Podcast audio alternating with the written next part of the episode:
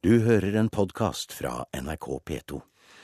Aktivt kvinnelig kultursenter AKS fyller 30 år i dag, og i 30 år har de jobbet for å rekruttere, motivere og synliggjøre jenter i alle ledd av musikkbransjen.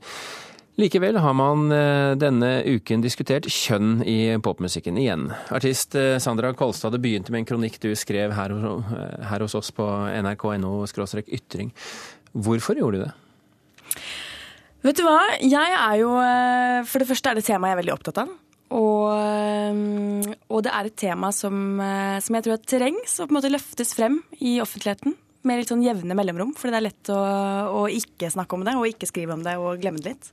Konkret, hva var det du skrev for de av lytterne våre som ikke har lest den? Jeg skriver om dette med altså det kvinnelige at når man ofte, veldig ofte når man skriver om musikk, så er det akkurat som at musikk har kun Hvis musikk har et kjønn, så er det kvinne. Sant? Det er kvinnelige musikere, kvinnelige utøvere, kvinnelige artister. Mens menn får sjelden det derre Skrives ikke inn i en mannlig musikktradisjon på samme måte, f.eks. Altså det ligger litt sånn flere mm, føringer, kanskje, i hvert fall sånn språklig, ved det å, å, være en kvinnelig utøver. Så det er eh, beste artist og best eh, kvinnelig artist? Mm, nettopp. Ja, det er jo et klassisk eksempel. Eh, hva Betyr det da egentlig Betyr det at alt arbeidet AKS har gjort gjennom 30 år, ikke har båret frukter helt? Nei, overhodet ikke. Tvert imot. Altså, vi ser jo nå eh, Han Erik eh, Honoré, som er kunstnerisk leder i Punktfestivalen, var jo ute her og skrev at han mener at eh, kvinnelige musikere nå er de mest interessante i Norge, f.eks. Og det er jo masse, helt tydelig, det. At eh, det er masse, masse, masse, masse flinke og bra kvinnelige musikere i Norge. Det er bare så innmari synd at det er et poeng at de er kvinner. Rita Vestvik, du var jo med å starte AKS i 1982. Syns du at AKS har feilet på et vis, siden vi fortsatt snakker om eh, artister og kvinnelige artister? Om jeg syns det er et poeng å snakke om eh, kjønn i sin alminnelighet, så syns jeg jo ja, selvfølgelig. For det er en av de tingene som definerer oss. Men at kvinner skal ligge på en sånn annenplass, at det er mennene som er de selvsagte til å utøve musikk, det er det jo ikke lenger. Eller jeg håper ikke at det er det, i hvert fall.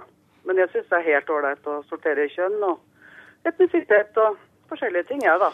Så, så... Jeg er forskjellsfeminist, sånn at jeg syns ikke det er noe poeng å skjule f.eks. at man er kvinner. Og jeg tror, hvis det skal være helt alvorlig, så tror jeg at det fortsatt er nødvendig å legge spesielt til rette, sånn som AKS gjør. da. Og ellers så innenfor filmbransjen f.eks. ser vi det samme. Fordi kvinner har en annen måte å fungere på. Både sosialt og biologisk. Kulturelt. Så, så, du mener ikke at det skal være et, et tema for AKS å prøve å viske ut disse forskjellene? Altså Hvis man prøver å viske ut forskjellen, så tilstår man i maktforhold. Og det Radio Rakel bidro med, og Kvinnekultursenteret bidro med, var jo å forsterke på en måte kvinnerollen. Vi sa kvinner spiller på alle strenger. Vi sa farlig feminin, vi hadde farger som sølv, rosa og svart, og vi sto på. Og selvfølgelig er det ikke sånn at kvinnemusikk er noen spesiell sjanger, like lite som kvinnelitteratur er noen bestemt sjanger.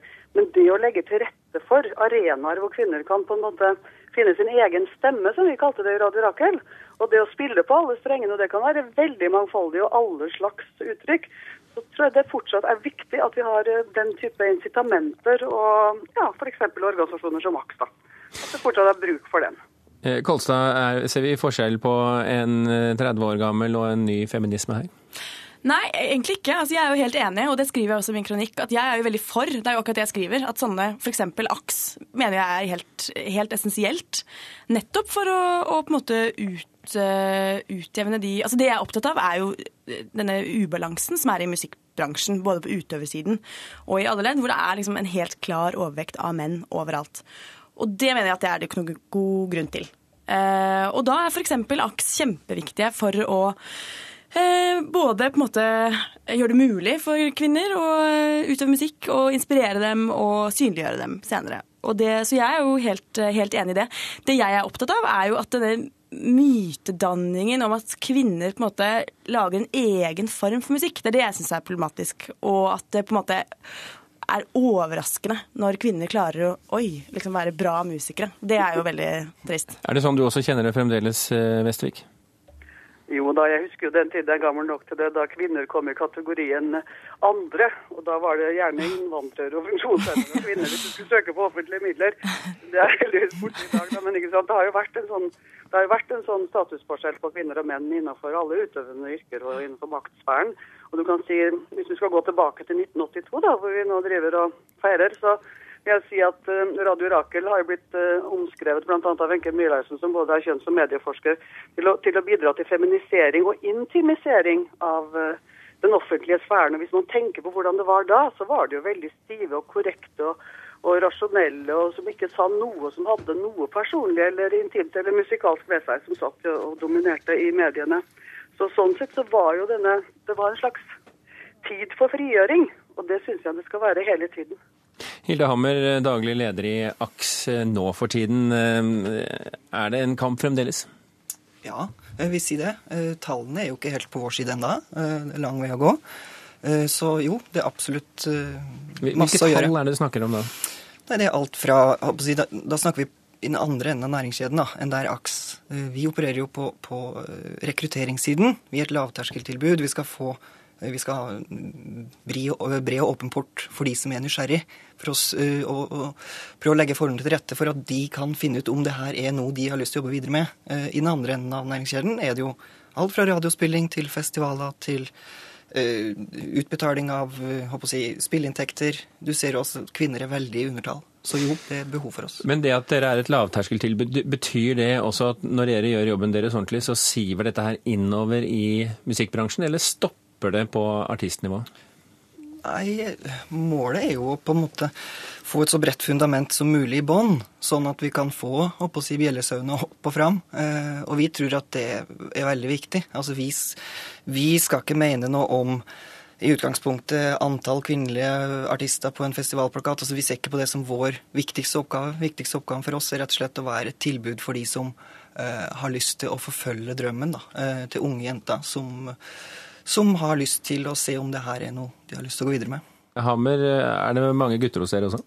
Eh, vi åpna for gutter i styrer og stell for noen år siden. Vi er en demokratisk barne- og ungdomsorganisasjon. Eh, så vi er i utgangspunktet åpne for alle. Vi har et formål å jobbe for å endre statistikken. Eh, og si, eksakte tall det varierer litt fra avdeling til avdeling. Noen avdelinger utgjør gutta større antall enn andre. Men nå har vi gutta i til og med inn i, i styrene av, av, av, avdelingene. Det går fremover. Ja, jeg syns det. Ja. Jeg syns det er bra.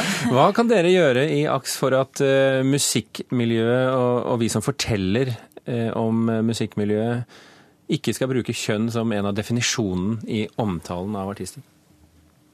Ja, det det vet jeg ikke.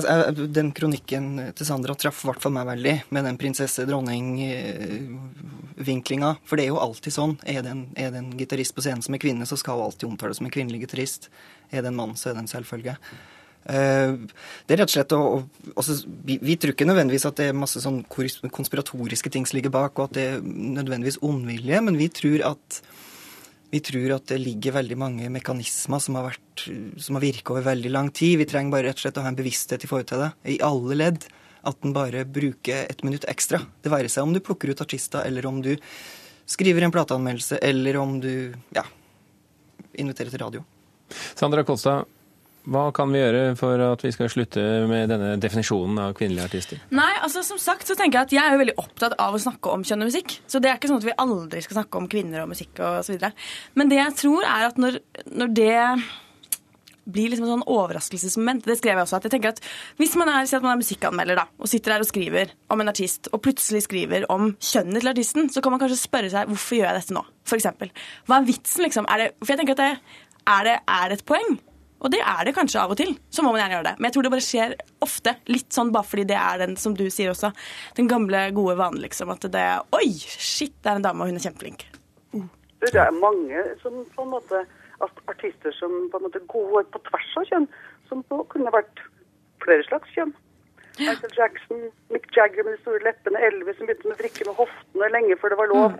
Er det en... Eh, er... Hvem vet, kanskje man nettopp fordi de tok av seg kjønnsdrakten at de ble så store også. Er det en, eh, en vei å gå for AKS, syns du, Vestvik?